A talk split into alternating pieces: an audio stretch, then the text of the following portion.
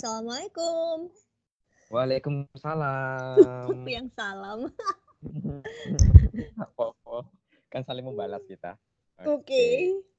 Ini udah aku record sih. Jadi kita langsung aja ya. Oke. Oke. Eh, halo guys, teman-teman setia podcast Tanggal Merah. Di episode kali ini aku akan sharing dengan Iba.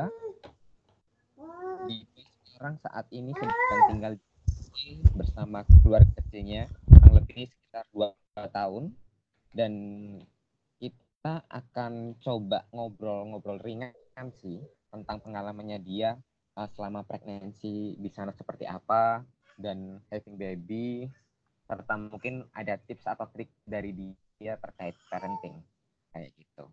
Jadi tanpa panjang lebar lagi, Oh, oh. uh, sekali langsung malam aja ini omongan kita. Bu, ringan kok ringan ringan ringan. Oke. Kalau gitu langsung aja perkenalan uh, Ibu Diba. Ah, ah. Oke. Waduh, saya sudah dipanggil ibu-ibu ya. Halo semua Halo. pendengar podcastnya eh, Tanggal Merah. Perkenalkan nama saya Adiba. Saya kebetulan dulu eh, apa namanya teman kuliah S1-nya si Bapak Oh, presenter. kebetulan ya, aku dengernya agak-agak gimana gitu. Kayak- Kebetulan, kayak jadi kepaksa ya temenan, kepaksa. Nggak apa-apa. Iya.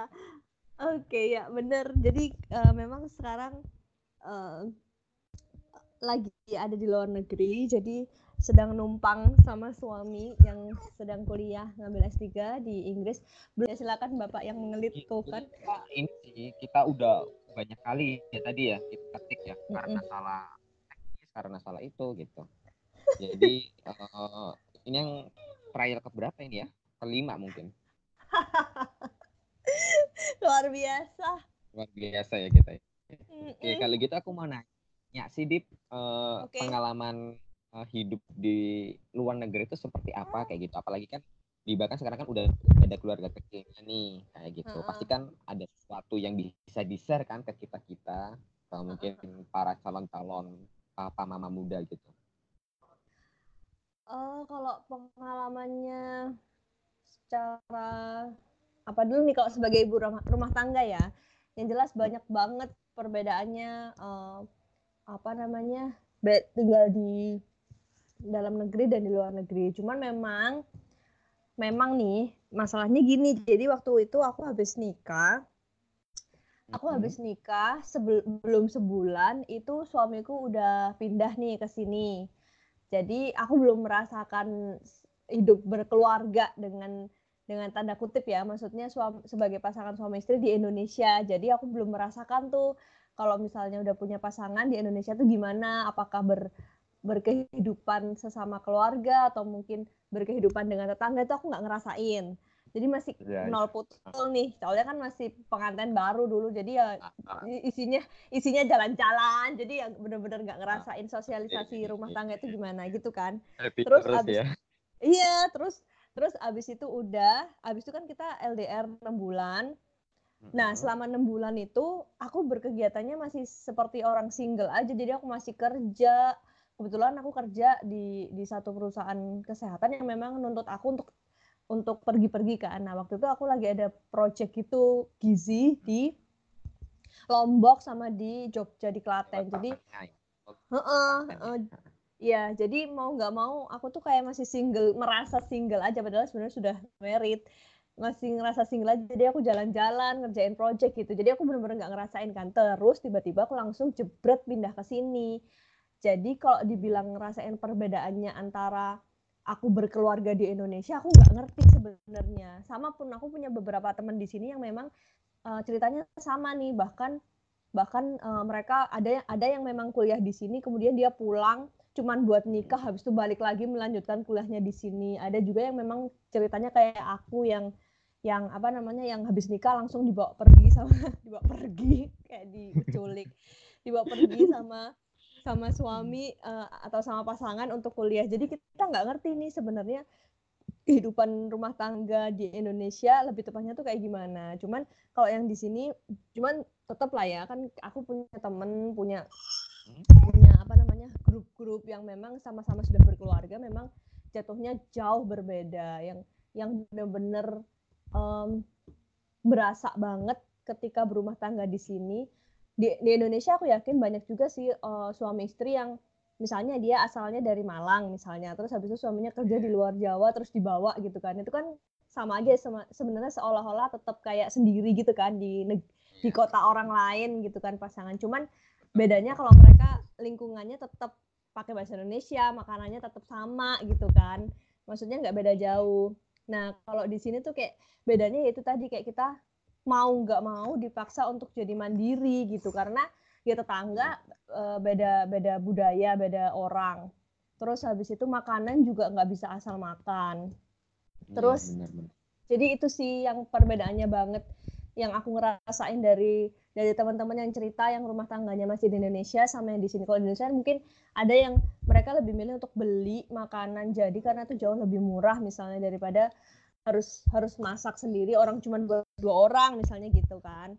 Oh, Dan, malah lebih murah ya beli makanan di luar ya daripada masak.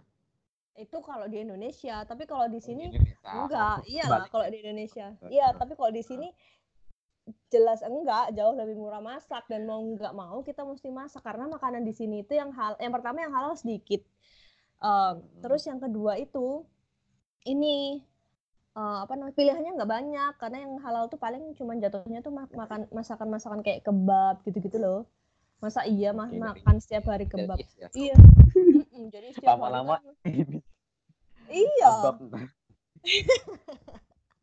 Jadi ya setiap hari mau nggak mau harus masak gitu.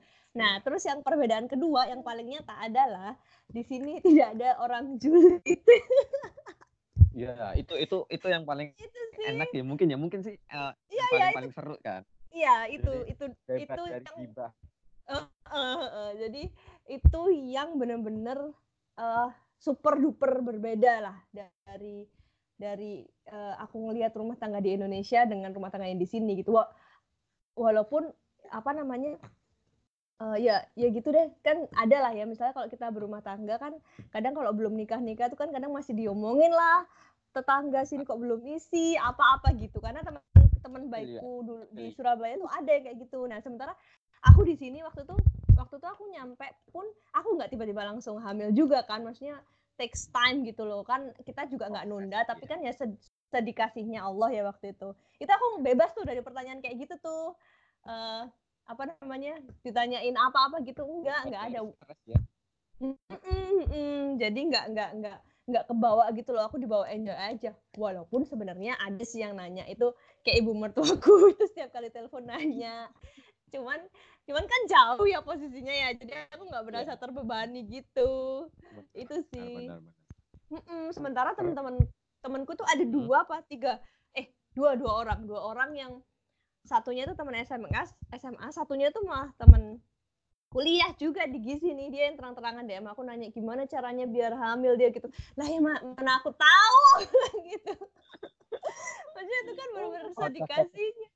Iya sedikasinya. Cuman ya ya itu karena mereka bilang bahwa oh, aku rada stres karena kok ditanya-tanyain terus kayak gitu loh. Itu ya jadi namanya orang julid itu setiap level kehidupan pasti ada guys. Tenang aja. Kalau belum nikah ditanyain kapan nikah. Kalau udah nikah tanyain kapan hamil gitu. Itu sih. Okay. itu bedanya kalau ya kalau yang bersosialisasi ya di di Indonesia sama di sini selama aku berumah tangga. Yeah, itu iya, yang kentara banget. buat uh, buat ngindarin pertanyaan-pertanyaan kayak gitu salah satu caranya adalah kita harus pergi keluar gitu ya biar itu. Itu kesimpulannya. Iya yang banget banget deh ya bisa dicoba sih. Coba ya tapi ini aku penasaran nih uh, sebagai orang timur kan ya, uh, sebagai minoritas di sana dan mayoritas di sana kan kebudayaan barat. Itu kamu pernah nggak feeling uh, intimidated gitu nggak? Maksudnya terintimidasi gitu karena keminoritasan uh, hmm. orang. Oh iya iya, hmm, bagus sih pertanyaannya. Apalagi, Jadi kan kayak kamu kan pakai huh? hijab kan, apalagi kamu kan pakai iya, hijab. Iya iya kan? iya. Uh, apakah feeling insecure gitu pas uh, waktu jalan-jalan. Awalnya awalnya aku merasa takut. Ini secara aku pribadi ya karena sejujurnya yeah. ini adalah uh, pengalaman pertama saya untuk ke luar negeri dan itu langsung jauh. Sebelum sebelumnya tuh nggak ada tuh main-main ke luar negeri ke negara tetangga gitu nggak ada. Jadi awalnya aku ngerasa takut. Makanya di awal itu sejujurnya aku benar-benar nggak berani buat keluar sendiri. Jadi selalu selalu sama suamiku. Bahkan uh, untuk untuk adaptasi itu aku butuh sebulan dua bulan untuk benar-benar berani berani keluar sendiri tanpa orang lain gitu nah uh, tapi alhamdulillahnya karena di UK ini negara negara kan ada ada UK itu kan ada yang mainland, ada yang uh, negara agak nyebrang, eh kotanya agak nyebrang gitu kan. Jadi tapi iya, karena gitu, ya. Mm, jadi kalau misalnya kita yang ada di, di pusatnya ini, maksudnya yang di dataran utamanya, apalagi Oxford ini deket sama London, jadi banyak banget pendatang, pendatang juga yang datang apa ke sini ya, iyalah pendatang datang. Mereka itu kayak gitu jualan ya? atau mungkin uh, kerja atau mungkin sekolah itu banyak banget jadi nggak benar-benar murni orang UK jadi dari mana-mana mulai dari uh, Polandia lah mulai dari uh, apa namanya Pakistan Bangladesh kemudian Eropa tuh Eropa Belanda Italia bahkan supervisor suamiku pun itu pendatang. Jadi supervisor suamiku tuh bukan orang asli sini. Dia orang asli Italia jadi banyak kan pendatang. Jadi semua budaya itu nyampur jadi satu. Nah, karena sudah terbiasa dengan begitu, maka orang sini itu terbuka gitu. Dan alhamdulillahnya lagi, UK ini termasuk yang mm, cukup welcome dan dan warm gitu kalau sama orang muslim. Jadi alhamdulillahnya se, se, pertama kali iya pertama kali aku datang itu malah banyak banget kayak kayak pegawai-pegawai toko atau satpam-satpam gitu yang lihat aku tuh malah mereka salam gitu. Suamiku yang kaget malah, "Oh, kok mereka salam sih kalau aku yang jalan sendiri biasanya nggak ada yang nyalamin karena nggak kalau cowok kan nggak kelihatan ya tapi kalau cewek kan langsung kelihatan ya langsung ya. apa namanya assalamualaikum sister. Kayak gitu-gitu. Aku malah jadi aku ngerasa oh alhamdulillah gitu. Jadi memang kalau untuk budaya Asia Timurnya sendiri memang nggak nggak begitu kental dan nggak begitu bingungin ya. Tapi kalau sebagai muslimnya aku ngerasa ini sudah ngeblend banget lah di sini lah jadi Oke, udah jadi ya, enak lah isu-isu di sosial media atau di berita-berita itu nggak nggak terlalu benar juga ya maksudnya uh, uh, mereka uh, terlalu up muslim sebagai teroris kayak sebagai ini oh, kayak itu nggak iya. terlalu Enggak, alhamdulillah kalau di UK enggak ya enggak begitu. Tapi ada juga nah, negara uh, satu kota di UK bukan satu sih mungkin beberapa kota di UK yang agak atas atas itu termasuk tempatnya Pak Fajar dosen kita dulu itu termasuk yang agak begitu. Di Belfast. ekstrim gitu ya? Uh, uh, uh, uh, Iya boleh kalau misalnya mau tuh uh, ngajakin ngobrol tentang Muslim. I, i, i, ini sih maksudnya kita kalau sama dosen mungkin kalau ngomongin keilmuan agak berat ya. Jadi ngomongin yang soal yeah. Islam itu, aku kebetulan Pak Fajar pernah main ke tempat aku dan dan beliau cerita bahwa memang di sana masjid itu di nggak ada malah. Eh ada sih, cuman cuman cuman sedikit. Terus abis itu orang pakai kerudung tuh jarang banget bahkan sering dibully. Jadi Nah aku aku nggak kebayang sejujurnya aku nggak kebayang model buliannya untuk orang berhijab itu bagaimana. Cuman kata Pak Fajar itu terjadi dan Pak Fajar ngelihat sendiri gitu. Kalau di kalau kebetulan di tempatku nggak gitu kayak di London. Ah di London di kota-kota yang besar yang terkenal terkenal tuh kayak London Manchester United.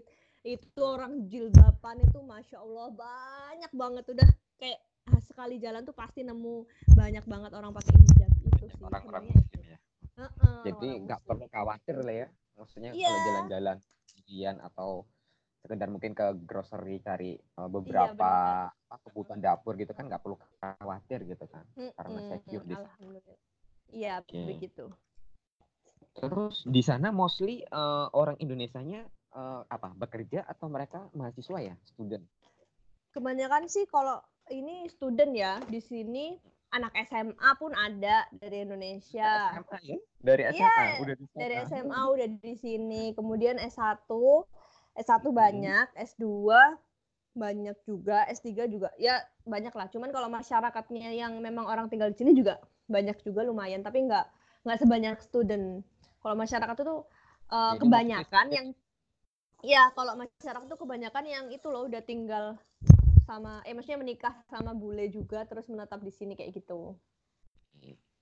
Kalau student ya itu banyak. Oke. Okay. Uh, terus uh, ini aku mau nanya sih terkait pengalaman pribadi Diba kan selama di Mhm. sana eh, mulai bener-bener dari nol kan maksudnya eh, membangun Iya. keluarga dari nol mulai dari Mhm. sebelum hamil terus saat hamil terus Mhm. menyusui hingga sekarang babynya udah umur berapa sekarang Dip? Enam bulan Oh enam bulan. belum Oh, iya. masih enam bulan oh belum saya belum. Ini berarti Belum. eh, eksklusif apa breastfeeding. iya iya di sini Alhamdulillah. support banget kalau eksklusif alhamdulillah banget nanti tapi aku ada pengalaman banyak sih yang soal breastfeeding itu gitu nanti aja tuh sesinya eh, eh. Oke, jadi kita ini ya kita bedah satu-satu dulu lah. Mulai Oke. pengalaman persiapan sebelum hamil deh. Itu Iya, gimana iya. di sana? Emang lu emang ada program, maksudnya emang program eh, untuk cepat-cepat hamil ataukah ya Mm-mm. udahlah Mm-mm. natural gitu? Heeh. Apakah gimana? Nah, kebetulan aku, aku kalau misalnya dibilang dari dari umur aku menikah itu nggak Hmm. langsung. Tapi kalau dibilang lama banget juga enggak. Tapi termasuk cukup banyak eh, apa namanya takes time gitu. Aku setelah aku menikah sampai aku hamil tuh butuh waktu sekitar 9 sampai 10 bulan. Which is itu kalau di Indonesia kalau bagi orang Indonesia yang nggak menunda itu termasuk lama. Aku waktu datang ke sini itu eh, apa namanya sempet won- wondering juga. Maksudnya eh sebulan aku nggak ada nggak ada nggak ada masalah kan. Maksudnya dengan dengan kehamilan dan program lain sebagainya suamiku juga, juga enggak nah setelah aku datang itu aku baru hamil tuh sekitar 3 sampai 4 bulan. Nah sebelumnya itu aku ada pengalaman nih sambil kenalan sih ceritanya jadi di sini kan sistem Iya. kesehatannya tuh sama kayak di Indonesia nih, ada kayak puskesmas puskesmas tiap daerah gitu loh Cuy. Mm-mm. eh aku manggilnya cuy Iya. nggak apa-apa ya Nggak apa-apa. It's okay, santai, slow. Bebas. Oke, itu panggilan itu panggilannya Chris waktu dulu kuliah. Jadi Iya, ada puskesmasnya. Nah, kita tuh Kayak kita tuh mesti kita tuh mesti daftar dulu gitu loh. Jadi misalnya kamu kalau di Indonesia kan kalau kamu puskesmasnya daerah Surabaya mana, nanti di kecamatan mana kan gitu kan puskesmas ya. Di sini pun juga gitu. Jadi namanya tuh halo, Iya. halo. Eh, kok Iya, halo. mati? Enggak kan? Enggak, enggak, enggak. Oke, oke. Kok ini? Lanjut. Oke. Jadi namanya tuh GP apa namanya? Jadi Eh, kayak general practitioner. kayak apa? Bukan ya? Iya iya Iya. benar, general practitioner. Jadi kayak Iya. kita kita kita registrasi apa namanya ID gitu ya? Maksudnya kita Iya, harus punya ID. heeh, heeh. Terus Jadi kita punya ID-nya kita, heeh, kayak misalnya di Indonesia tuh pakai NIK gitu ya. Nih Iya. nomor induk kependudukan. Jadi kita di sini tuh juga dapat tuh nomor nomor penduduk kita karena kan aku aku hitungannya permanen ya, walaupun nggak lama tapi kan aku permanen ya sampai empat tahun. Jadi dianggapnya aku dapat KTP juga nih kayak di sini gitu. Nah, nah, nomor itu nanti kita daftarin terus kita kasih tahu alamat kita di mana. Nanti akan dicarikan eh, istilahnya GP ya, aku akan sebut GP, GP terdekat dengan rumah kita gitu. Jadi sama kayak di Indonesia nyari puskesmas yang paling dekat dan terjangkau di rumah kita. Nah, Jadi Waktu itu aku- ya, puskesmas nyariin kita, bukan kita yang ke puskesmas. Puskesmas maksudku. eh iya, Gimana? jadi kayak ada sistemnya gitu sih. Jadi aku masukin kan nomorku, namaku, terus abis itu apa namanya alamatku di mana, alamat rumah ya. Eh, Hmm. Nah, terus nanti sama mereka kayak sistemnya tuh langsung dikasih tahu gitu cuy, di mana yang paling terdekat gitu di itu dan dan kita kayak udah kalau udah dikasih tahu kita kayak otomatis sudah terregister ke situ gitu. Kalau mau pindah Oke. kalau mau pindah jadi kita nggak bisa asal ke GP tempat lain gitu kalau misalnya memang ada keluhan dan apa ya harus ke GP situ gitu sih in apa namanya sistemnya. Kalau di Indonesia kan mungkin kalau eh aku nggak tahu ya kalau di puskesmas ya tapi kayaknya kalau di puskesmas aku nggak pernah sih kalau di puskesmas di tempat lain selain rumahku. Tapi kalau di Indonesia kan ada rumah sakit rumah sakit itu kan bisa ya langsung ke rumah sakit. Kalau di Iya. sini nggak bisa jadi harus lewat si GP ini gitu. Jadi, Jadi di emang dalam udah ada ini karakternya gitu ya, stru- struktur apa Mm-mm. namanya, organisasinya gitu. Iya, heeh, jadi di GP ini tempatnya ya kayak puskesmas gitu, bangunan, terus di dalamnya itu ada beberapa dokter, ada satu midwife, ada beberapa perawat, ada farmasi gitu. Jadi mirip di puskesmas lah intinya, cuman itu kayak umumnya gitu, dokter umumnya kayak gitu-gitu. Ya kan? Terus habis itu aku kenalan karena aku belum tahu nih GP itu gimana. Aku iseng bikin appointment, cuman waktu itu emang eh, apa namanya lagi lagi ini sih apa pengen nanya-nanya aja gitu kan. Nah kebetulan itu aku satu setengah bulan setelah aku uh, di sini kan. Jadi aku nanya, aku iseng gitu kalau misalnya uh, mau hamil gimana gitu prosesnya eh apa namanya seru, seru, apa apa apa gimana gimana nya gitulah pokoknya terus sih mereka yeah. kan dan itu ada beberapa dokter kan cuy. Nah kebetulan aku tuh hmm. waktu dapet dokter cewek enak banget. Orangnya sudah umur sudah umur paruh baya lah sekitar 45 50-an gitulah. Jadi aku nanya-nanya kan terus dia ngomong uh, apa ini ini yang aku ini yang aku kalimat ini yang aku eh no no don't eat this. No it's not food darling. Uh, apa namanya uh, kalimat ini tuh yang aku kopas ke temanku yang dia nanya gimana caranya terus dokter ya, tuh okay, ngomong ya namanya. iya ya ini. Jadi ini pesannya gini kan namanya hamil uh, uh, apa namanya? Ya kalau kalau toh seandainya orang yang punya sakit aja eh gini. Orang yang normal aja sehat walafiat semuanya aja namanya hamil itu juga gambling kan? Bukan gambling sih maksudnya yang nggak yang nggak bisa diprediksi kan berhasil atau enggaknya. Apalagi mungkin orang yang punya masalah gitu kan. Jadi kalau misalnya kita sehat ya udah uh, coba aja terus minimal. Biasanya itu akan butuh waktu penyesuaian badan kita itu sekitar 9 bulan. Kalau lebih dari 9 bulan memang belum hamil baru itu perlu untuk diperiksakan ke dokter lanjut gitu ke dokter gitu. Terus dokter itu nanya kamu berapa? Kamu setelah LDR sama suamimu baru ketemu berapa bulan? Dia ngomong eh aku ngomong baru ketemu satu setengah bulan. Ya itu masih masih wajar lah soalnya ya udah habis nggak ketemu kan. Heeh, terus ya udah nanti kalau misalnya kamu bulan ke sembilan kamu belum hamil kamu datang lagi kita akan programkan gitu. Jadi buat teman-teman yang memang eh, apa namanya biasanya sih dari mulai temanku yang mulai galau tuh udah masuk ke bulan ketiga, keempat yang belum hamil tuh biasanya baru berasa gitu. Kok belum hamil belum hamil ya. Nah, itu uh, bisa nih di, dicoba aja dulu sampai nanti 9 bulan setelah setelah berhubungan dan sudah menikah ya. Kalau memang ada apa-apa baru ada pemeriksaan lebih lanjut. Itu sih kalau yang aku dapat ilmunya di sini. Jadi ya udah kita santai aja. Aku sama suamiku juga santai aja. Emang kita berdua alhamdulillah sehat gitu kan terus ibuku juga santai aja ibuku ngomong ya udah pacaran dulu aja kata ibuku gitu. Ya udah ya, santai ya, aja. terus, uh, uh, terus ya udah kok alhamdulillah bulan keempat aku ketemu sama suamiku aku positif gitu. Cuman itu pun tricky ya aku nggak tahu tricky atau enggak ya. Cuman karena aku tuh hitungannya uh, setiap kali uh, setelah aku ke dokter itu bulan selanjutnya tuh aku udah sering telat gitu loh cuy tapi uh, aku tuh selalu naik sepeda. Kalau misalnya aku telat menstruasi misalnya telat datang bulan aku tuh selalu naik sepeda kan ke mana-mana di sini. Nah setelah naik sepeda itu aku selalu datang, datang bulan juga. Nah itu bisa jadi bisa jadi aku juga nggak tahu ya.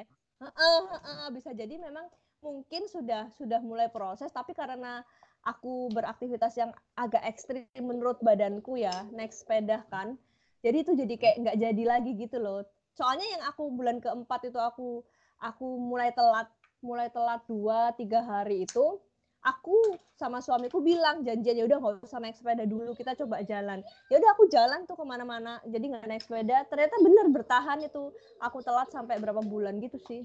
Itu bisa jadi juga namanya badan orang kan beda-beda ya. Ada ya, juga benar, yang memang benar. kuat kuat bisa jadi kandungan atau badannya kuat yang meskipun ngapa-ngapain tuh uh, meskipun naik sepeda atau mungkin apa dia oke-oke aja oh kandungannya tapi ada juga yang mungkin kasusnya kayak aku yang setelah apa namanya memang program berhubungan tapi habis itu kita capek atau apa terus jadinya menstruasi lagi itu bisa jadi juga. Jadi ya kalau memang ada program kayak gitu ya dijaga dulu aja. Karena anak pertama sih rata-rata ya, pada bilang gitu sih. Karena anak pertama jadi kita masih belum tahu badannya kita gimana. Nanti setelah kedua ketiga mungkin udah bisa terbiasa gitu itu yang apa aku pertama hamil. Terus pas kehamilan lanjut apa? Enggak? Iya, iya. atau ada pertanyaan monggo, lain? Uh, enggak monggo dilanjut dulu. Terus kalau pas hamil di sini uh, luar biasa ya. Jadi tapi uh, di sini full semuanya pakai midwife. Kita nggak ada pakai bidan luar biasanya bidan. Ayo teman-teman di Indonesia yang jadi bidan harus keren gimana oke dokter Opin dokter objek gimana? Nggak ada sama sekali. Masa? Jadi, Langsung iya, jadi, Oh, uh, ya? iya, aku Beda aku ada sih, ada itu. ada satu, iya aku ada satu appointment dikasih Hmm. uh, dikasih jadwal satu sama SPOG karena memang uh, suamiku tuh ada satu penyakit darah gitulah yang keturunan. Nah, itu tuh perlu dikonsulin kan, tapi itu perlu pemeriksaan lebih lanjut, tapi dikonsulin, cuman dikonsulin doang waktu itu aku. Itu pun udah kehamilan udah 6 6 7 bulan gitu loh.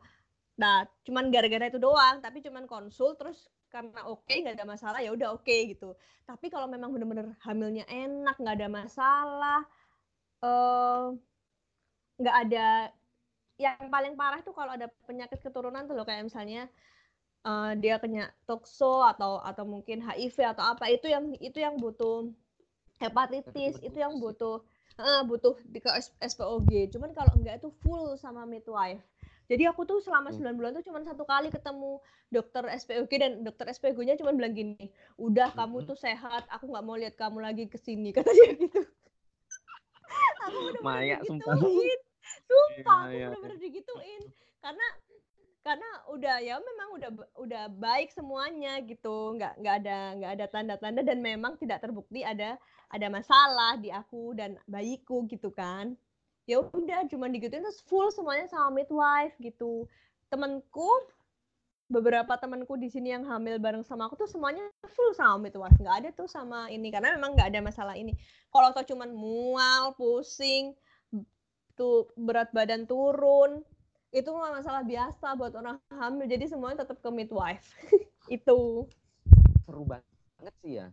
Eh, di sana tuh karena karena emang kapasitas midwife-nya udah mumpuni, Mm-mm. terus ataukah karena emang regulasinya seperti itu? Maksudnya emang peraturannya emang harus ke midwife sih, maksudnya nggak perlu jauh-jauh sampai ke dokter objin. iya iya Heeh. Kalau aku dua-duanya itu eh, ini, dua-duanya jadi alasan. Jadi yang pertama menurutku ya, ini menurutku dan suamiku sih, midwife-ku yang nanganin aku di GP kan di, di tempat GP itu kan juga ada midwife kan. Kalau kamu hamil, Hmm. pokoknya udah langsung ke midwife, nggak ketemu dokter lagi. Nah, waktu aku ke midwife itu, midwife-ku tuh masih super duper muda banget. Kayaknya dia belum pernah ngerasain hamil. Jadi, iya. Jadi, Bisa lah briefing. Iya. Jadi eh, apa namanya? Dia itu kayak kayak apa namanya? Selain memang dia punya kapasitas ya, walaupun nggak benar-benar ini, tapi kayak di sini tuh sistem regulasi dan SOP-nya untuk hamil tuh udah jelas, cuy, bener-bener jelas. Jadi setiap kali kita dat, eh bukan, waktu pertama kali aku hamil, aku kan mesti ke dokter dulu nih.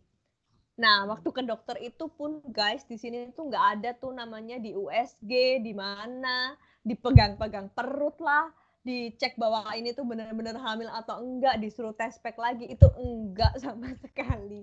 Jadi mereka Oke. itu benar-benar percaya sama tes pack yang dijual di toko obat. Gila, gila, segitu apa hebatnya ya maksudnya bagus kualitasnya bagus gitu. Iya, karena karena mereka ya udah eh, aku cuma tes pack di rumah kan. Waktu itu yang pertama aku nggak percaya terus aku beli merek lagi, be- beli merek lain, aku tes pack lagi positif. Aku ke GP itu tuh kan udah antrinya lama ya. Oh ya di sini tuh kalau mau ke GP itu antrinya lama guys, nggak kayak di Indonesia yang bisa ke dokter.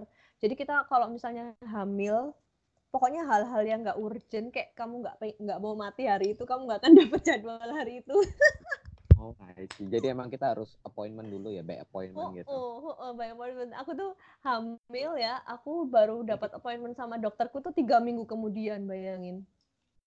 Jadi di sana karena banyak orang sakit atau gimana ya? Enggak, appointmentnya karena gitu. memang si- sistemnya gitu. Jadi kayak mereka tuh punya slot satu hari itu cuma gitu. berapa pasien gitu Oh, loh. okay, that's why. Ya. Oh, oh, oh, jadi nggak bisa, mm-mm, nggak bisa asal berapa gitu. Nah, kita mereka kan ada- berapa pun pasien kan dilayani. iya, iya, iya, iya. Oke, Dan oke. mereka itu punya slot emergency memang tiap hari. Tapi slot emergency pun itu jarang dikasih kalau kita nggak benar-benar mau mati ya. Aku bilang itu loh. Meskipun Ya, emang meskipun- bener-bener darurat Oh, gitu ya. oh iya kalau nggak benar-benar darurat tuh nggak akan dikasih ke kita. Kalau cuma pregnancy doang mereka nggak akan nganggap apa-apa ya. Ya udah dikasihnya yang nggak per ini. Kalau yang darurat tuh biasanya kalau baby demam aku nggak pernah sih alhamdulillah misalnya nggak pernah tapi sering kalau baby demam tetangga-tangga itu kalau babynya demam sampai tinggi hari itu juga terus misalnya kenapa misalnya muncul ruam atau nggak bisa nafas itu dia terima tuh hari itu juga. Dia ngomong ah, emergency nih babyku gini dia kasih akan slot kayak gitu-gitu. Tapi kalau yang untuk orang dewasa itu nggak akan dikasih coy. Uh, apa namanya kalau nggak orang tetanggaku aja yang ada yang batuk sampai sampai suaranya habis sampai keluar keluar darah itu waktu winter sih itu. Itu aja nggak dikasih kok slot emergency karena mereka nganggapnya biasa gitu kan. Iya, karena mereka nganggapnya itu nggak nggak nggak emergensi banget. Jadi kau bisa nunggu gitu. Terus kata temanku, ya Ella, uh, dok ketemu dokternya udah keburu sembuh nih aku kata dia gitu. Tapi ya gitu, Gila, jadi gitu. harus butuh waktu kan. Ya udah pas sudah ke GP pun aku pertama kali hamil tuh nggak ada kalau di Indonesia tuh aku aku inget bukan sih aku selalu lihat teman-temanku tuh selalu posting ini loh apa namanya foto US gitu loh kalau pas hamil yeah. pertama kan banyak kan. Yeah. Di sini tuh nggak ada. Bulan, uh -uh. gitu. Uh. Ya, Maksudnya juga, oh udah masuk. Denger, aku pernah dengar uh, beberapa artikel, eh, pernah baca beberapa mm -hmm. artikel tuh katanya bisa mempengaruhi perkembangan janin gitu di USG itu. Karena karena, karena terlalu sing, eh, terlalu dini ya untuk USG ya. Mungkin mungkin pertimbangannya uh, apa namanya midwife di sana atau GP di sana Mm-mm. Mungkin karena itu. Mungkin siapa tapi nggak tahu benernya gimana. Tapi bisa jadi karena oh aku pernah nanya kenapa kok nggak ada USG. Terus mereka cuma bilang e, bayimu tuh masih sangat kecil dan masih belum kelihatan, masih seupil, masih lingkaran doang kan.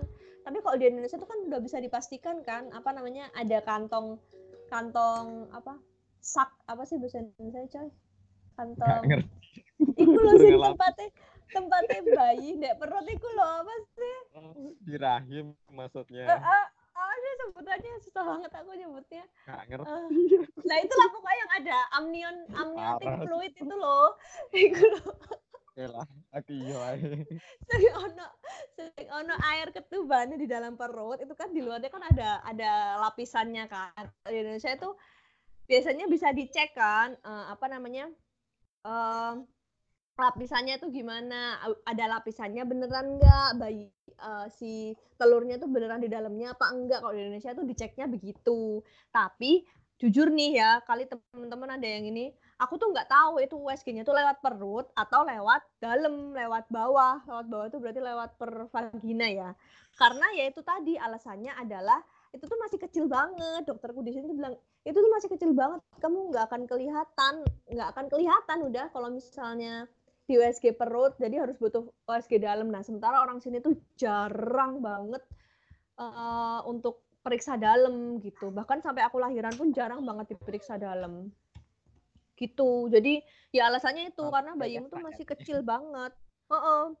Bay bayimu tuh masih kecil banget jadi nggak mungkin bisa di USG katanya gitu ya wes jadi ya tapi dipegang perut pun kagak. Kalau Indonesia itu kan kayaknya aku nggak ngerti ya apa ada ilmunya midwife itu buat pegang-pegang perut tuh yang beneran hamil atau enggak. Tapi di sini pun enggak. Jadi ya aku waktu tuh ke GP itu kayak sia-sia ya ampun aku beneran hamil enggak ya? Jadi itu aku stres berat di awal-awal itu karena aku nggak ngerti aku beneran hamil dan iniku sehat atau enggak ada di tempat yang bener atau enggak itu aku stres berat di awal-awal tuh.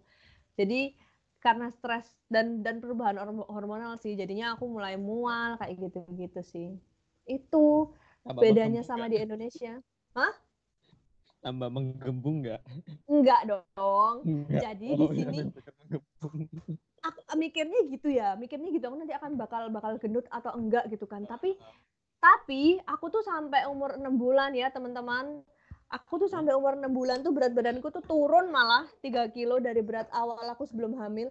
Dan suamiku tuh udah bingung kok beratnya turun terus padahal uh, aku memang muntah sih, aku muntah, tapi aku makan. Maksudnya aku nggak yang aku tidak menolak makan, aku makan tapi habis itu muntah, seringnya gitu kan. Mm -mm, tapi tapi oh dear. Tapi sampai umur 6 bulan mau 7 bulan tuh beratku tuh tetap jadi aku sebelum hamil tuh beratku 55 ya. Terus habis itu sampai aku umur 6 bulan hamil itu beratku turun jadi 52 dan itu stagnan di situ dari mulai aku uh, berapa 12 minggu hamil sampai 6 sampai mau 6 minggu itu eh 6 bulan tuh berarti berapa? Sekitar 25 26-an minggu ya. Itu tuh beratku tetap segitu, suamiku tuh udah bingung nanya ke midwife, "Ini berat badannya suami ah, istriku kok nggak naik-naik ya?" Terus kata midwife-nya, "Ah, tenang aja nanti juga akan naik." Gitu, coy. Jadi nggak mereka tuh nggak bingung berat badanmu akan Jadi turun apa atau pengalaman lah mereka ya. Heeh heeh, dan mereka nggak risau dengan berat badan bayi. Waktu awal. Jadi enggak. Heeh. jadi aku tuh USG total kan tiga kali. Selama aku Iya. 9 bulan tuh cuma dapat USG USG gratis istilahnya tiga kali. Kalau kamu mau nambah boleh tapi bayar satu kali USG 100 pound which is oh no, mahal banget iku. mahal jutaan ya. Iya, heeh. Harganya. Jadi Hampir satu jadi ya udah. Iya. Iya gila. Jadi jadi nggak nggak mungkin aku mau aku mau USG ya udah kita nunggu aja USG yang programnya itu karena USG pertama itu di usia eh 12 12 minggu. Nah, Dua- di 12 usia. 12 mm, di usia 12 minggu itu USG-nya pun bukan USG untuk untuk yang tahu berat badan bayi gitu enggak di sini. Jadi saat 12 minggu USG pertama itu adalah tujuannya untuk melihat detak jantung bahwa memang kamu punya bayi di dalam perutmu. Ya itu baru Oke. dicek benar-benar aku percaya bahwa oh ya aku hamil dan ada bayi di perutku. Itu. Terus yang kedua sama Down syndrome, cek Down syndrome sama sindrom patau sama pokoknya yang sindrom-sindrom gitu itu itu bisa diketahui sejak dini saat di itu. Nah, eh, dan Iya, alhamdulillah Bang. memang free di sini. Jadi memang itu kayak udah programnya mereka gitu loh. Kamu akan USG itu. Jadi yang waktu di USG pertama itu yang dicek adalah otaknya anakku. Jadi kayak otaknya tuh dicek gitu cairannya gimana gimana gitu. Sama aku tes darah waktu itu. Itu yang USG pertama. Terus abis itu jadi kedua? Mm-mm. ya lanjut. Kamu mau nanya apa? Oke. Enggak. Bukan nanya sih Mas, jadi walaupun kalian eh, istilahnya kan foreigner ya, tapi Heeh, kalian bisa dapat benefit dari government di sana gitu. Oh iya iya. Maksudnya, eh, jadi di sana nggak beda-bedain antara mungkin residen asli atau eh, foreigner gitu kan? Enggak, enggak, enggak ada di sini enggak ada beda-bedain. Mau apa namanya? Orang nggak punya, orang punya, orang kaya semuanya programnya sama. Jadi kita dapat semua fasilitas banget. itu sesuai SOP itu gitu. Oke, Semuanya dapat fasilitas dan kesempatan yang sama. Nah itu sih mungkin yang nggak ada di Indonesia ya. Iya, mungkin nggak ada sih. Maksudnya beda kan. tapi pada saatnya nanti aku tuh aku tuh percaya loh, cuy, pada saatnya nanti BPJS tuh bisa jadi kayak gitu. Jadi be eh, beasiswa lagi. Aku juga Apa namanya? aku juga Ini percaya sih harapanku gitu. Kalau udah udah nggak tekor lagi ya.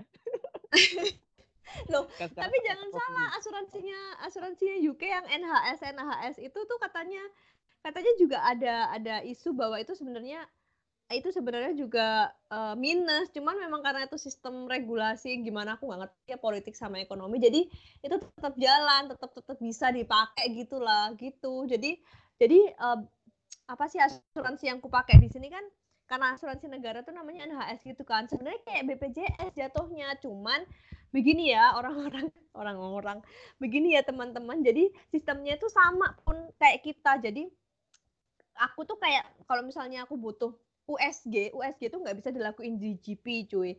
Jadi semua hal-hal yang berbau-bau berat kayak USG terus habis itu cek darah itu semuanya dilakuin di rumah sakit besar. Di sini rumah sakit besarnya itu eh, cuman ada tiga apa tapi yang utama itu yang untuk orang hamil tuh satu doang. Jadi di antara tiga itu kayak udah dipecah-pecah gitu loh. Rumah sakit pemerintahan khusus. Kalau rumah sakit swasta nggak ada di sini eh ya itu kali ya di Indonesia banyak rumah sakit swasta sih ya.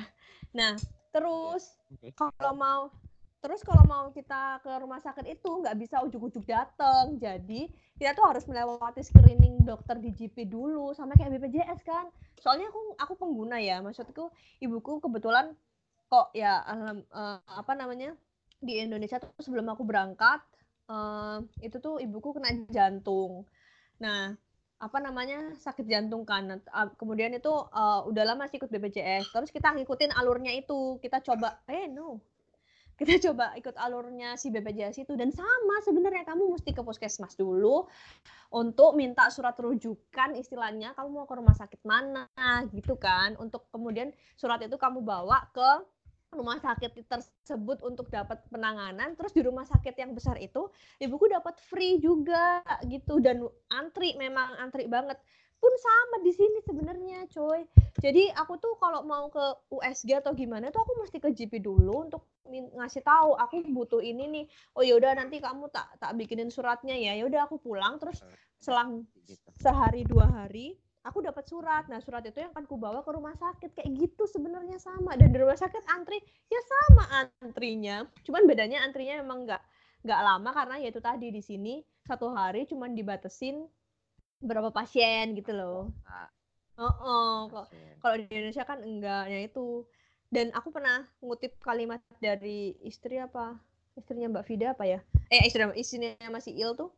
Uh, dia selalu ngomong bahwa di sini tuh memang uh, dikedepankan untuk si customer rumah sakit itu pinter pinter pinter gitu loh. Maksudnya pinternya tuh um, jangan sampai rumah sakit itu jadi bahan jadi tempat untuk apa apa mesti ke sana. Kalau misalnya kamu bisa tanganin sendiri dan nggak butuh obat ya nggak usah ke sana kayak gitu gitu kayak misalnya ya. batuk pilek. Butuh gitu kan uh -uh, uh -uh. batuk pilek itu nggak perlu ke sana gitu demam pun sebenarnya juga ada buat bayi bayi pun nggak bisa nggak langsung ujuk-ujuk itu ada penangannya sendiri sebenarnya nggak perlu langsung ke rumah sakit gitu loh sebenarnya gitu kalau yang aku tangkep di sini ya nah tapi btw kalian bayar teks nggak ke sana atau atau gimana? Aku nggak bayar karena teks kan, karena ya, karena student kan, kan suami. Iya. Okay. Uh, suamiku karena student, jadi kita nggak bayar teks. Bayar teks itu ketika kamu udah dianggap kerja di sini. Kerja pun ada dua macam. Ada yang kerja apa? Kerja part time. Ada yang memang kerja secara profesional. Kalau kerja secara profesional tuh kamu biasanya udah di di di kontraknya itu udah ada teksnya gitu tapi uh, apa namanya yang part time biasanya nggak nggak pakai teks-teks gitu karena tergantung jenis visanya kita kan itu pun mesti hmm. dibatasin jadi misalnya kalau visa student tuh dia maksimal kerja memang cuma part time jadi sebu seminggu cuma boleh 20 jam nggak boleh lebih dari itu gitu itu sih cuman sebelum datang ke sini kita mesti bayar asuransi sama aja sebenarnya Iya. Oke. Jadi sekali, sekali tinggal tinggal tinggal apa? Satu kali bayar gitu maksudnya. Iya, satu kali bayar di awal. Jadi kayak apa namanya? Uh, syaratnya bisa lolos visa UK adalah kamu harus ngurus asuransi. Itu itu terlepas dari visa yang visit visit yang cuma enam bulan ya. Kalau yang visa liburan kan cuma enam bulan. Itu nggak pakai asuransi. Hmm. Tapi kalau lebih udah lebih uh, tapi kalau udah setahun apa namanya kita ngajuin yang visa setahun sampai ke atas tuh udah pasti langsung uh, diajuin tuh asuransinya berapa gitu. Jadi kayak Kalau boleh bayar di awal. Gimana? How much? Uh, aku nggak, aku lupa nominal. Ya, aku lupa nominal totalnya. Tapi hmm. tapi aku pernah ngitung perbandingannya adalah aku kan kebetulan juga bayar BPJS ya di Indonesia yang kelas 1. Jadi hmm. itu biayanya per bulannya di sini untuk asuransi sama BPJS itu adalah tiga kali lipatnya BPJS. Jadi kalau di di mana di Indonesia tuh BPJS kelas 1 kan eh, delapan puluh ribu ya sekarang ya? Ratusan lah mungkin. Enggak enggak delapan puluh ribu satu bulan aku bayar itu satu bulan untuk yang kelas 1. Nah berarti tiga kali lipatnya untuk di sini tuh berarti dua ratus empat puluh ribu per bulan untuk di sini. Tapi itu di awal gitu. Oke, langsung langsung ini ya dalam waktu satu tahun ya? Dalam waktu visa aku habis. Ya, selama oh, tinggal. Jadi aku dikasih visa. Iya, langsung kayak gitu. Jadi aku dikasih visa sama kan aku ngikut suami. Suami dikasih visanya tuh empat setengah tahun. Jadi ya in total aku um, cuman nggak semuanya cuy. Jadi misalnya suamiku kan empat setengah tahun. Dia dia memakai visa itu dari mulai nol bulan kan di sini. Berarti dia kena asuransinya full tuh empat setengah tahun. Nah, kalau aku karena aku nggak nggak empat setengah tahun, aku kan datangnya kan telat nih dari suamiku nih. Jadi aku dihitung sisanya kayak gitu loh, nggak nggak benar-benar ngikutin. Pun Jadi anakku gitu. juga gitu. Mm -mm. kan. Mm -mm. Anakku pun juga gitu. anakku, oh ya sebenarnya anakku ini bebas karena dia lahir di sini kan. Sebenarnya dia itu bebas uh, asuransi sampai nanti dia umur 17 tahun. Kalau misalnya kita di sini terus ya. Nah, uh, cuman karena kita ada rencana pulang, kalau pulang kan ini ya, berarti kan kalau pulang mesti balik lagi kan kita butuh visa. Nah, gimana gimana hmm. mau kamu mau kamu anaknya lahir di sini mau lahir di di tempatnya Queen Elizabeth pun kalau misalnya kamu keluar dari UK terus kamu masuk lagi kamu kan butuh visa nah kamu kan butuh visa nah visanya ini yang yang mesti syaratnya harus bayar asuransi nah jadi kemarin si Mizan ini juga kena asuransi juga karena kita ngurus visa kan supaya bisa balik lagi ke sini. Nah itu pun sisanya. Jadi misalnya suamiku dapat empat setengah tahun. Nah dia lahir uh, jatahnya udah berkurang setahun kan. Jadi dia dihitung perkaliannya cuma tiga setengah tahun sisanya gitu. Jadi nggak total gitu. Tapi tetap bayar di awal. Cuman ya Allah, masya Allah enak bangetnya adalah ketika kita masuk rumah sakit itu udah nggak mikir biaya apa pun. Kamu mau keluar masuk keluar masuk rumah sakit itu kayak ya udah tinggal datang terus nanti dapat perawatan terus nanti pulang. Udah nggak mikir gitu gitu loh. Administrasi itu aku aku benar-benar berdoa. contoh gitu ya. Iya Bismillah semoga Indonesia lama-lama bisa begitulah. Enaknya itu karena karena kita nggak stres gitu administrasi. Suamiku juga nggak bingung. Jadi karena aku cuma berdua ya suamiku tuh bisa full fokus ngurusin aku nggak ngurusin administrasi kan jadinya. Iya. Gitu. iya kadang-kadang bikin capek kan kita kan itu kan maksudnya ngurus surat oh, ini oh, oh. iya terus iya terus dibalik diputer-puter kan misalnya habis dari dapat yeah. surat ini kamu ke mana ke mana ke mana gitu kan. Gitu. Soalnya aku dulu pernah ngurusin ibuku kan waktu yang sakit jantung tuh ya lumayan capeknya itu walaupun free cuman tetap capek. Jadinya kan butuh satu orang untuk jagain ibuku kan selain aku yang harus muter-muter administrasi. Tapi kalau di sini enggak jadi kayak kita udah ngasih aja uh, catatan kita selama hamil udah dikasih udah deh jebret. Udah udah nggak mikir apa apa tinggal nanti kamu mesti gimana gimana gimana gitu. Jadi nggak mikir-mikir administrasinya itu sih. Bismillah ya semoga Indonesia bisa kayak gitu pastilah. Iya. Oh, oh bener. Terus, harus optimis. penasaran di uh, uh, aku mm penasaran pada saat kamu delivery pada saat melahirkan mm itu kan kamu normal. Mm Uh, dan yeah. berat badan kan uh, berat badan bayi kan normal juga kan? Iya, alhamdulillah dia 3,2, 3,3. Ya, iya 3,3 normal kan itu mm -hmm. di atas kan. Nah yeah. itu pada saat setelah fase-fase itu uh, mm -hmm. kalau kalau di kita kan yang pertama kan ada IMD tuh inisiasi menyusu dini. Mm -hmm. yeah. Itu gimana? Mereka langsung uh, initiate gitu atau lu harus request atau gimana? Iya uh, mereka akan selalu nanya ke kita.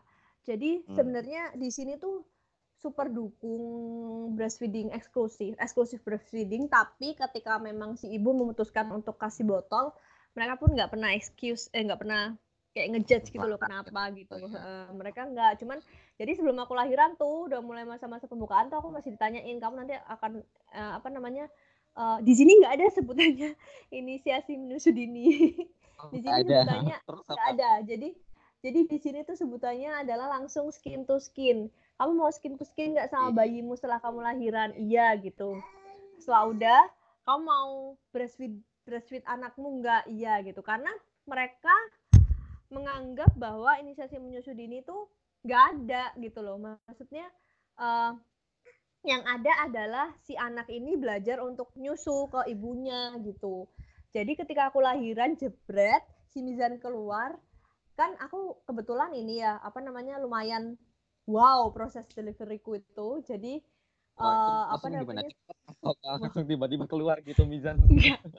jadi wow, jadi aku kasih tahu ya teman-teman yang akan dan dan berencana untuk tinggal di UK ketika kalian berusaha gini loh masalahnya kalau kalian mau punya anak di sini bikinnya, nih gue kasih tahu ya, bikinnya jangan sampai nanti selama 9 bulannya adalah lahir bulan September. Karena Mizan kemarin dapat bulan September, dia jadi dapat sebutan Christmas baby. Dan you know Christmas baby itu apa maksudnya? Itu adalah di mana bayi yang dibuat ketika Christmas. Ketahuan berarti kalian. Ketika karena kedinginan. Jadi karena kedinginan. Ya kan tahu. Pokoknya dibuat ketika mereka ketika, bisa prediksi jadi itu iya jadi karena Misa itu bulan September kan dia lahir bulan September jadi dibuatnya itu ketika masa Christmas which is itu bulan Desember tahun sebelumnya dan rumah sakitnya tuh udah kayak pasar cuy lahirannya ya Allah ya gara-gara itu. Jadi aku termasuk wownya karena lama aku nunggu antrian ruang bersalin itu lama banget. Padahal ya wes lorong-lorong ngono. Itu saking antrinya itu. Itu. Oh, tapi sempat ada iya. drama nggak kalian di sana? Seru banget Iyalah, ada, ada drama lah. Gimana? Ya, iya. Ada drama jadi teriak, jadi teriak gitu. Tadi duluin oh, oh kalau enggak lah kalau itu enggak lah coy. Soalnya kan kita nggak ngerti juga. Enggak karena karena kita tuh udah di encourage di sini untuk kamu tuh kalau udah mau lahiran jaga fisik jadi ya kalau kita teriak-teriak ngapain nanti capek dong cuman ya gitu aku itu kita kan gitu semuanya teriak-teriak gitu kan gitu. manggilin suaminya gitu mas mas mas gitu kan jadi ceritanya kan ya udah misalnya lahir bulan September di mana itu adalah momen Christmas baby di sini. Eh sampai ada petisinya tahu? Eh bukan petisi sampai ada berita gitu loh. Sampai beritanya tuh lucunya gini loh. Semua midwife di UK tuh sampai bilang please dong jangan main-main saat Christmas gitu. Soalnya kita udah kehabisan orang kalau September sampai iya. kayak gitu kan mereka workloadnya saking gedenya gitu kan saking capeknya. Ya aku tuh baru tahu. Karena yang bener-bener aku ngerasa ya ampun kan gini ya kalau kita kan selama 9 bulan itu kan ada masanya ke rumah sakit kayak USG atau apa kan kita tahu ya orang lahiran apa gitu. Tapi yang bulan itu tuh bener suamiku tuh bilang masa apa namanya sehari tuh bisa tiga empat lima bayi tuh keluar keluar langsung. Dan which is itu tuh itu tuh bagi mereka tuh banyak gitu loh dalam satu hari. Iya uh, nah iya. Apa namanya pokoknya capek banget gitulah. Nah aku tuh udah rembes. Ketubanku tuh udah pecah dulu. Nggak pecah sih rembes cuy. Dari hari kemis malam ya. Dari hari hmm. eh nggak kemis malam. Kemis subuh. Kemis subuh jam 4 itu uh, di kasur tuh kayak basah gitu. Aku nggak tahu kan. Terus ini apa? Gitu kan. Cuman emang di sini tuh ini apa uh, aku udah dikasih tahu kalau misalnya ada kayak gitu-gitu coba dilap sama tisu. Jadi tisunya itu nanti yang kita bawa ke rumah sakit. Jadi kayak aku tuh udah tahu kalau ada keluar cairan yang selain pipis selain apa namanya kayak di kalau cewek kan biasanya ada keputihan gitu ya. Pokoknya itu yang bentuknya air itu kalau bisa sebisa mungkin di kayak ditampung sama tisu gitu nanti tisunya yang kita bawa ke sana. Karena aku kan I have no idea gimana air ketuban itu gimana kan masih belum tahu ya kita ya. Uh, jadi itu hmm, jadi tisu itu yang aku bawa. Jadi tak jam 4 nah terus di sini tuh udah ada emergency call-nya gitu. Kalau misalnya kamu terjadi sesuatu apakah kamu nggak yakin kamu harus ke rumah sakit atau enggak kamu bisa telepon dulu. Karena jarak sini karena kan rumahku kan rum termasuk agak jauh ya sama rumah sakit sekitar uh, eh, 3 mil. 3 mil tuh 6 sampai 7 kilo. Sebenarnya nggak jauh sih, cuman menurut aku itu udah termasuk jauh. Kita mesti pesen taksi dulu kayak gitu kan. Nah, uh, apa namanya? Waktu itu hari Kamis jam 4 subuh itu aku rembes uh, langsung itu uh, aku udah sakit, aku udah ngerasa sakit kayak mulas-mulas tuh udah udah sekitar semingguan, tapi aku masih bisa tahan jadi oke okay lah ya. Terus habis itu aku suamiku langsung telepon ke mana? Ke rumah sakit bilang apakah kita perlu untuk langsung datang ke rumah sakit. Oh nggak usah kamu tunggu aja jam 7 gitu. Karena masih jam 4 subuh kan masih gelap. Ya udah hmm. kita jam 7 ke rumah sakit nih. Ke rumah sakit udah terus uh, eh, dapat kamar itu aku masih nunggu. Nunggunya tuh masih dicek apakah ini beneran air ketubanku atau enggak gitu. Nah apa namanya terus dicek dari jam 7 tuh aku baru sampai jam 11 tuh kok nunggu itu di apa tapi dapat kamar dapat kamar kayak kamar darurat gitulah.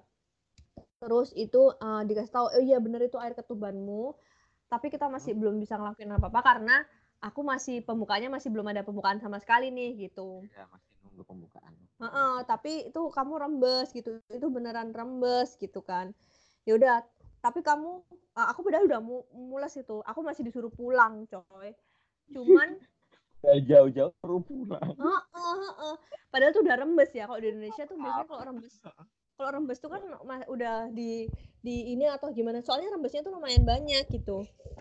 Ya udah aku rembes, uh, itu masih disuruh pulang, tapi aku dapat kayak note gitu karena kamu udah rembes. Uh, kemungkinan untuk terjadi infeksi itu kan lebih gede ke bayi. Ya. Nah di di Indonesia eh di sini tuh ada peraturan jamnya kamu rembes plus 4 plus 19 jam berarti kan aku rembes jam 4 tuh. Berarti hmm. plus 19 jamnya itu kan berarti sekitar jam 23 23 ya, malam. uh -uh. Uh, nah itu harus dipantau per selama 19 ke depan 19 ke depan itu. Jadi aku tuh disuruh ngecek suhuku sendiri per 4 jam sama aku disuruh ngecek cairanku yang keluar. Apakah itu udah mulai berubah warna atau mulai air ketubannya itu loh. Nah tapi aku tapi tetap disuruh pulang karena nggak ada tempat di sana gitu. Hmm. saking ramenya kan orang lahiran ya udah aku disuruh pulang. Terus aku ngecek suhu sendiri kan. Terus aku disuruh telepon lagi kan tadi 4 jam 4 sampai 19 kan jam 23 jadi jam 11 malam itu aku suruh telepon lagi. Kira-kira gimana? Apakah aku disuruh balik jam itu juga ke rumah sakit jam 11 malam itu aku digituin? Atau kamu uh, nunggu besok paginya gitu ya udah ternyata selama 19 jam aku di rumah itu aku baik-baik aja nggak ada air rembes terus suhuku juga normal maksudnya nggak uh, kan mereka itu soalnya in, concern banget sama infeksi ya. Kalau misalnya suhunya mulai yeah. tinggi kan berarti uh, uh, berarti kan akan bahaya gitu kan. Jadi suhuku tuh normal 36 36 gitu. Jadi nggak nggak menunjukkan tanda-tanda demam. Terus air ketubanku juga masih oke. Okay. Jadi ya udah pas telepon jam 11 malam tuh mereka memutuskan ya udah kamu balik lagi aja hari Jumat jam 8 gitu. Ya udah kita balik jam 8. Udah kukira akan ini ya. Tapi dicek, aku nggak dicek sih mereka kan aku tadi cerita ya kalau di sini tuh jarang banget cek uh, per vagina yang dicek pembukaan pembukaan yeah. itu loh. Lewat nah mereka, uh -uh, jadi mereka tuh jarang banget ngecek itu dan mereka kayak tahu dari perangai kita gitu loh. Jadi kalau misalnya kalau misalnya masih bisa jalan, kalau masih bisa ngomong, kalau masih apa itu dianggap ah ini belum ini jadi nggak ini. Tapi kecuali kalau emang kamu udah aduh nggak kuat nggak kuat nggak bisa ngomong nggak bisa ini baru mereka berani cek itu kamu pembukaan berapa dan itu kejadian di aku. Jadi karena tapi karena apa namanya uh, aku belum ngerasa sakit yang banget banget aku masih bisa ngomong masih bisa jalan jadi dianggapnya ya udah kamu tunggu aja di sini gitu dan karena aku sudah rembes dan lebih dari 19 jam mau nggak mau aku harus dimasukin ini apa antibiotik. Okay. full uh, nah. yang diinginkan iya ya? uh, iya benar. Uh, mencegah infeksi sih lebih tepatnya. Karena kan udah buka ya ceritanya si si amnionnya itu. Nah pun saat itu tuh aku masih belum dapat kejelasan aku akan lahiran jam berapa. Karena pembukaanku tetap ternyata waktu uh, aku nggak dicek sama sekali tapi sampai akhirnya aku baru lahiran tuh Sabtu malam. Jadi selama dua hari itu aku di rumah sakit karena aku butuh disuntik antibiotik kan jadi aku nggak bisa pulang. Dan oke jadi nunggu dan, ya? Uh -uh, dan kalau misalnya di sana kalau misalnya kita di rumah sakit itu nggak boleh ada yang jaga jadi suami kita pulang. Sekalipun nanti aku habis lahiran bawa anak pun suami malam-malam pulang coy. Jadi kita cuma berdua sama bayi di sana. Oh, gitu. Emang ada ada jam ja, uh, jam jaga ya istilahnya bukan jam jaga ya apa ya?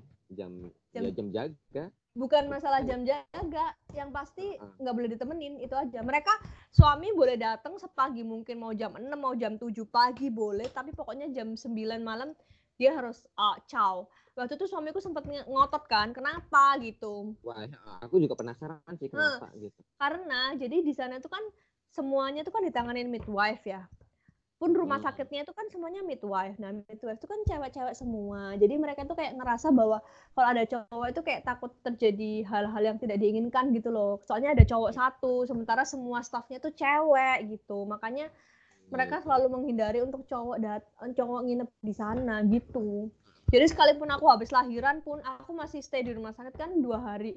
Itu setiap malam pun aku bobo sendiri sama anakku doang maksudnya. Tapi kalau pagi ya ada semua pengunjung boleh masuk jam berapapun yeah. dan mereka nggak mereka nggak membatasin berapa pengunjung anak-anak tuh boleh cuman ya gitu pokoknya kalau malam harus pulang semuanya Udah. gitu out, gitu kan.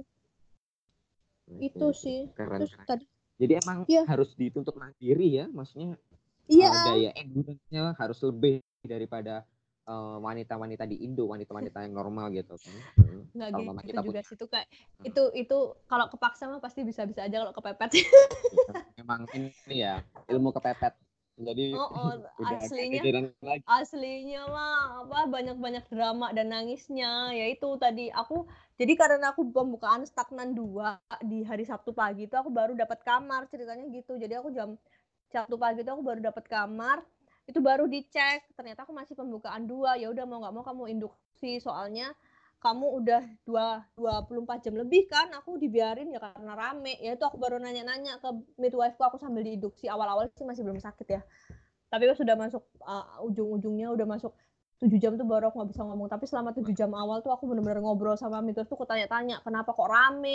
Apa itu ya itu aku tahu istilah Christmas baby di situ sih jadi kalau jadi di sini tuh kalau induksi aku kan kebetulan induksi yang drip ya langsung. Itu tuh induksi yang udah tahap akhir kan. Nah itu kayak ada satu midwife yang terus kontrol kita. Karena yang harus dikontrol ini adalah ini apa namanya detak jantungnya si bayi kan takutnya bermasalah dan lain sebagainya gitu. Jadi aku induksi dari jam 9 pagi aku baru lahiran jam 9 malam. Oke. Okay. jadi luar biasa. uh, kalau hmm, kalau menurutku itu jadi momen uh, titik terendah sekaligus momen grateful buat kamu gitu kan. Mungkin. menurut hmm. mungkin jadi, iya karena diri pada saat itu terus habis itu uh, happy dengan kelahiran Mizan. Iya iya iya. Ya jadi jadi gini, aku udah diinduksi dari mulai jam 9 pagi ya. Nah, itu jadwalnya induksi itu kalau per 6 jam, per 6 sampai 7 jam, jadi sekitar jam 15 atau jam 3 sore itu harus dicek kalau misalnya apa pembukaannya gimana? Karena induksi itu kan kayak obat yang maksa kit, maksa si pembukaan tuh cepet kan. Nah tapi aku selama iya. enam jam itu pembukaanku tetap stagnan dua dong. Oke, itu aku shock naik -naik. awalnya. Nggak naik naik hmm. aku shock banget di awal dan itu aku uh, awalnya tuh aku ngobrol enak nih sama midwife aku cerita-cerita aku nanya-nanya soal sistem kesehatan di sini. Aku nanya soal midwife di sini kenapa kok bisa keren-keren aku nanya semuanya tapi setelah enam jam itu dan aku dikasih tahu bahwa masih stagnan pembukaan dua midwifeku juga bingung. Karena tanda-tanda tanda-tanda apa namanya kontraksiku tuh udah start udah udah udah ini loh udah apa sih kalau di stabil gitu maksudnya udah per dua menit per dua menit udah kontraksi terus kan. Nah itu aku udah ngerasa sakit tapi kenapa pembukanya cepet dua? Akhirnya si midwife-ku tuh konsul sama SPOG jadi sekalipun kita ditanganin sama midwife tapi selalu ada dokter konsulen gitu cuman mereka nggak turun langsung gitu loh uh, dokter SPOG-nya jadi tanyain ke dokter SPOG gimana terus ya udah terus tiba-tiba midwife balik dan dia cuman ngomong gini uh, kita coba lagi ya uh, akan dinaikin dosis untuk ini induksinya. Okay, Tapi kalau misalnya, uh, tapi kalau misalnya stagnan tetap dua, kamu akan dioperasi sesar. Itu aku langsung down. Itu kayaknya hidupku tuh kayak amblek gitu. gitu. Ya? Bayangin aku udah ngerasain sakit kayak gitu, terus aku harus dioperasi sesar kan? Itu kayak dan yeah. ini sih aku lebih mikir setelahnya sih, karena kan ya aku nggak tahu ya memang operasi itu segimana parahnya. Cuman kan yang kita tahu bahwa kalau operasi itu kan uh, masa selanjutnya itu kan agak susah ya, mesti harus recovery harus badan dulu. Uh, uh, uh. Kita nggak bisa banyak gerak sementara aku di sini cuma berdua sama suamiku, which is. Aku kayak aku itu sih yang yang nggak ada yang nggak yang nggak kebayang di aku tuh. Aku tuh udah nangis. kan pengalaman berat pertama kamu juga gitu kan. Maksudnya iya ada uh, jadi harus gimana gitu kan. Benar benar. Dan lagi kayak ya udah deh pokoknya aku nangis berat itu ke suamiku. Aku minta maaf suamiku tuh sampai nangis juga. Dia ngomong udah bisa bisa kata dia gitu kan. Ya udah aku aku udah aku udah apa namanya aku udah di masa-masa yang udah pasrah dan sebagainya udah sakit hmm? nggak hmm? karu-karuan tapi alhamdulillah hirobil alamin keajaiban aja setelah empat jam tiba-tiba aku langsung pembukaan delapan gitu jadi langsung dari dua langsung ke 8. Heeh, heeh, langsung ke 8 itu. Nah. Tadi. Heeh, setelah dinaikkan dosis tadi gitu. Ya, begitu deh ada alhamdulillahnya ya situlah pokoknya aku merasa ya Allah aku ya enaknya lahir normal adalah setelahnya kita memang lebih ini ya. Cuman ya aku alhamdulillah jadi ngerasain lahir normal. Aku takut ini aja sih, takut setelah lahirannya aja sih. Kira-kira gimana? Aduh. Hei, hei setelah lahirannya gimana gitu itunya sih tak aku pikirin nah setelah itu uh, habis lahiran pun oh ya tadi yang breast apa IMD ya habis lahiran itu Mizan aku pas selama waktu di induksi masih ngobrol tuh aku ditanyain kamu mau skin to skin nggak gitu karena aku mau aku mau breastfeed juga ya udah setelah setelah Mizan keluar Terus kan dia langsung ditempel di dada di dada kita. Nah, itu midwife kan hmm. bersihin nih, bersihin lahirannya kita gimana jahit, butuh jahit atau enggak gini gini gini. Nah, nanti ada masanya itu suami kita ditawarin untuk motong tali pusar loh di sini. Oh, gitu. Boleh dipotong, boleh enggak ya? Rata-rata sih mereka pasti nyaranin Mm, bukan nyaranin sih mengharuskan untuk dipotong. Cuman mereka tuh nawarin mau motong-motongin nggak gitu, mau yang motong suami atau yang motong si midwife-nya. Jadi suamiku waktu itu ya? dapat kesempatan ya biar biar merasa momen aja kali ya hmm, buat mereka. Jadi kayak merasa Ya, bahwa kalau kita di sini "Heeh, bab tenaga profesional kesehatan gitu. iya Kok di sini tuh jadi bapaknya kayak ditawarin kamu mau nggak terus dikasih gunting gitu, disuruh motong. Jadi ya akhirnya suamiku ngerasain, maksudnya dapat dapat momen bahwa dia bisa motong tali pusar anaknya gitu, bukan si midwife lagi terus diajarin. Agak susah dia ngomong, agak susah sih karena itu ternyata berat banget. Jadi kayak kayak gini motongnya kayak gini gini gini gitu kayak dikasih tahu. Cuman nih, setelah bayi keluar tuh mereka udah santai gitu lah. Karena karena yang mereka takutkan ketika induksi itu kan bayi ini kan detak jantungnya cepet di dalam atau gimana gitu. Tapi ketika udah keluar kan ya udah.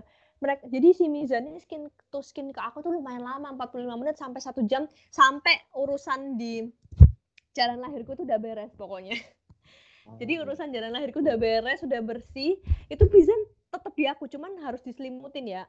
Jadi full dia Hmm. kayak diselimutin ya itu. punya Heeh. Terus kalau udah ya udah aku eh, apa namanya ini mizan diam- diambil itu diukur lingkar kepala sama berat badan. Dan nggak ada panjang badan coy. Di sini tidak ada ukur panjang badan.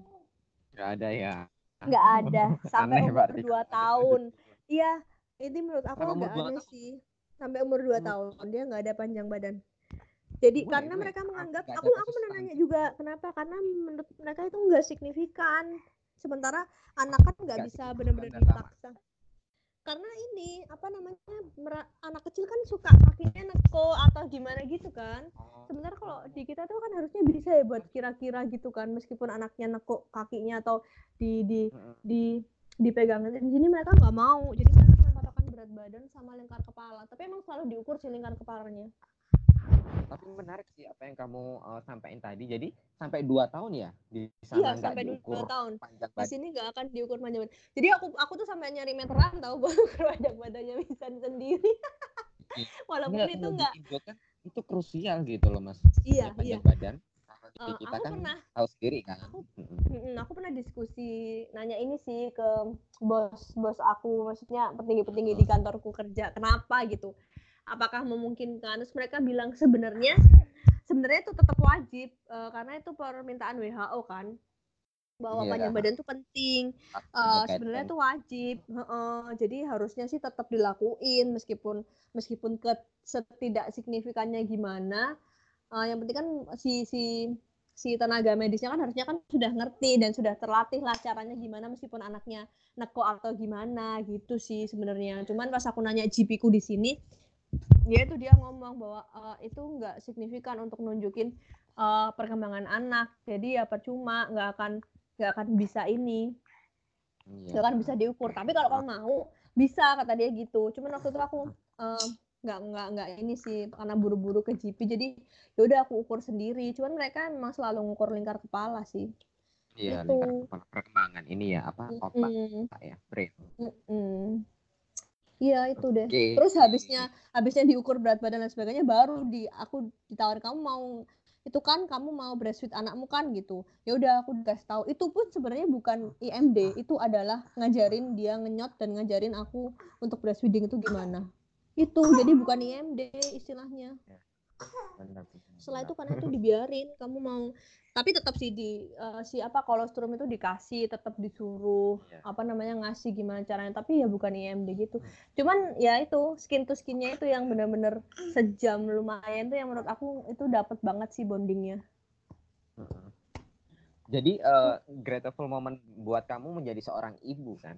Terus gimana sih perasaan Yes. kamu? Ini kan pengalaman pertama, terus di situ semuanya lu urus sendiri, terus di Mm-mm. negeri orang juga. Mm-mm. Gimana sih perasaan menjadi eh, ibu gitu? Menjadi seorang wow amazing ya. luar Maksudnya, biasa nggak dulu? Iya. Du- aku nggak bisa nggak iya sih harus Heeh.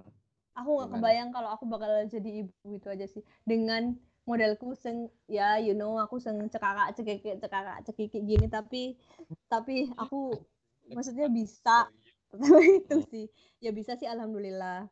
Terus eh ya itu momen yang kayak gitu. Cuman akhirnya bener deh guys yang namanya ibu itu luar biasa. Aku jadi ngerasa lebih lebih appreciate lah sama orang tua aku sendiri yang bener-bener kayak gitu. Uh, apa namanya ngelahirin kita itu itu sih yang benar-benar berasa. Dan karena suamiku nemenin ya jadi dia ngerti tuh momen dari nol sampai sampai sampai Mizan keluar. Jadi pun dia dia ngerti tuh gimana. Jadi kita kayak gimana ya kalau sama orang tua tuh lebih lebih lah. Itu sih yang yang titik balik yeah. menurutku. Aku merasa luar biasa jadi ibu tapi di sisi lain aku jadi merasa bahwa aku luar biasa punya ibu yang luar biasa kayak gitulah buat ibu-ibu di mana pun hmm. yang berada. Itu sih. Benar-benar dan juga uh, ini ya mungkin buat pendengar-pendengar kita uh, di episode kali ini ini mungkin nggak hanya pengalaman ini untuk untuk apa ya untuk wanita aja tapi pria itu juga harus dilibatin gitu kan dalam prosesnya yes. kehamilan yes itu benar banget habis itu Iya, bener banget ya. Bener jadi, banget jadi, itu. Jadi, jadi biar, biar tahu gitu kan mereka. Iya, iya. Uh, uh, aku ini aku nggak tahu ini saran yang cocok atau enggak. Cuman uh, setelah menikah memang aku yakin namanya per, setiap orang tuh pasti berjuang dengan level apa pun ya.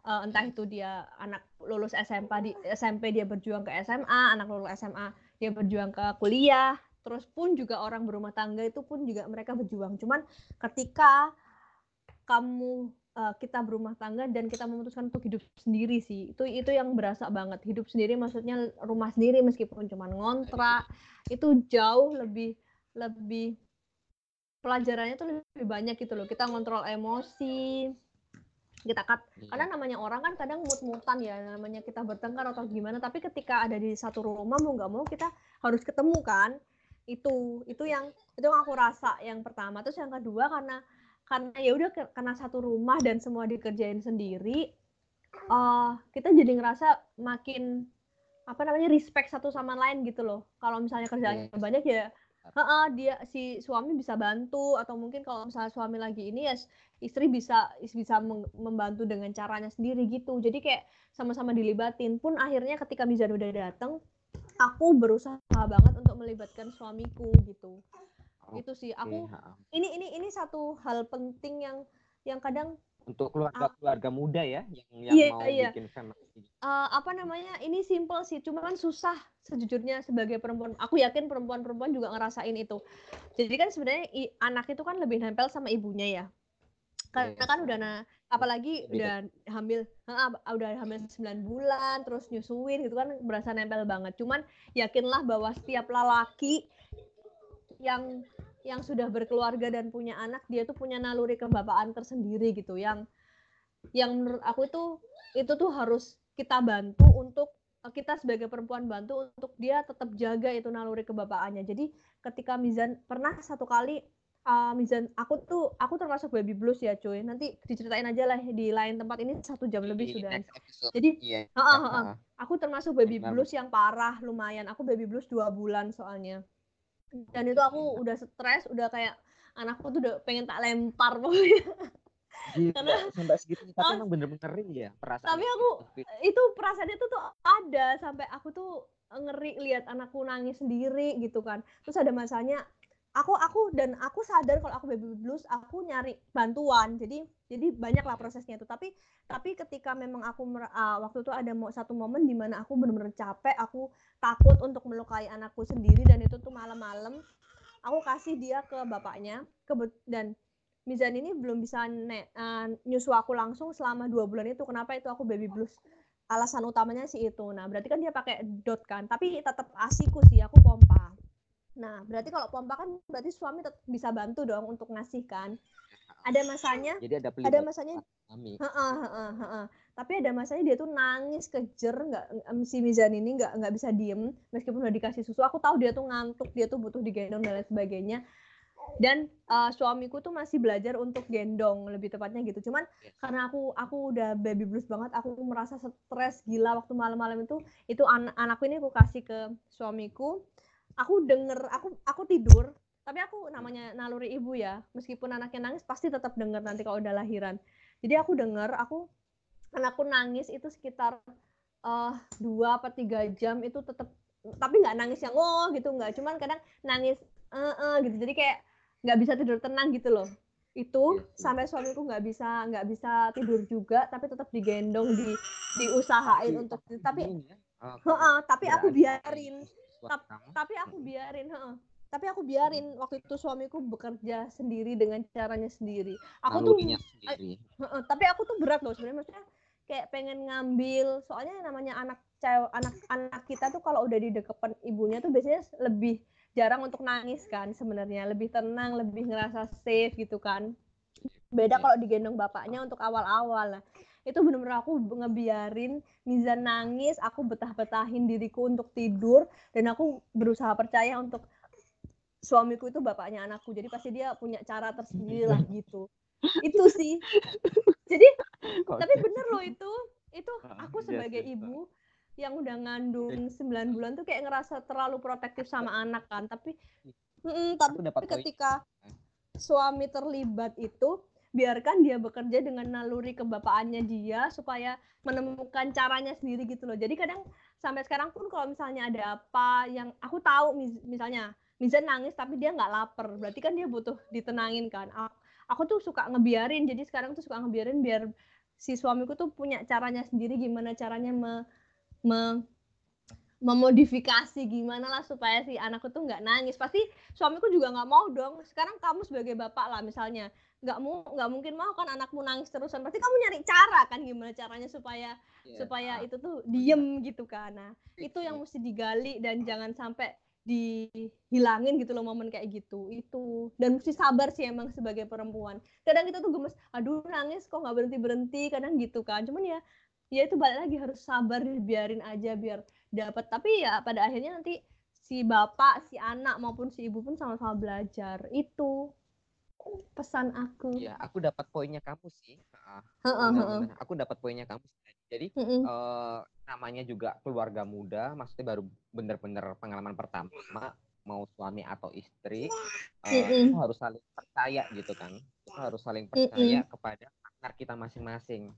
iya Dan kita harus Bener. building apa building komunikasi untuk masalah itu.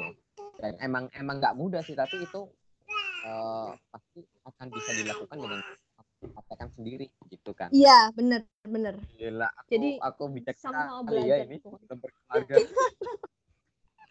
pokoknya itu deh jadi sama-sama saling percaya itu Sal- itu ya percaya. ini udah panjang belajar. banget maaf ya saudara-saudara yang mendengarkan Iya. Tapi ini worth it loh eh, untuk pendengar-pendengar kita di episode kali ini. Walaupun emang Iya. eh, eh, durasinya panjang, tapi ini worth it buat kalian yang pingin punya family yang sedang atau berproses untuk Mm-mm. memiliki keluarga kecil dan akan Iya. hidup di luar negeri. aku mau sharing sih sebenarnya soal soal hamil lebih tepatnya ke ilmu kesehatannya dan ilmu psikologinya ya si ham- sam- hamil sampai nanti breastfeeding cuman itu akan Ini- panjang ini banget. Heeh, terserah sih kita nanti kita eh, gimana. ini kan judulnya journey journey kan maksudnya ini kan masih ada beberapa part lagi gitu kan ini kan mungkin journey yang heeh. satu kedua atau ketiga nanti kita bisa sambung lagi Oh iya, iya. Karena aku yakin baby blues tuh luar biasa, memang benar-benar terjadi. Benar.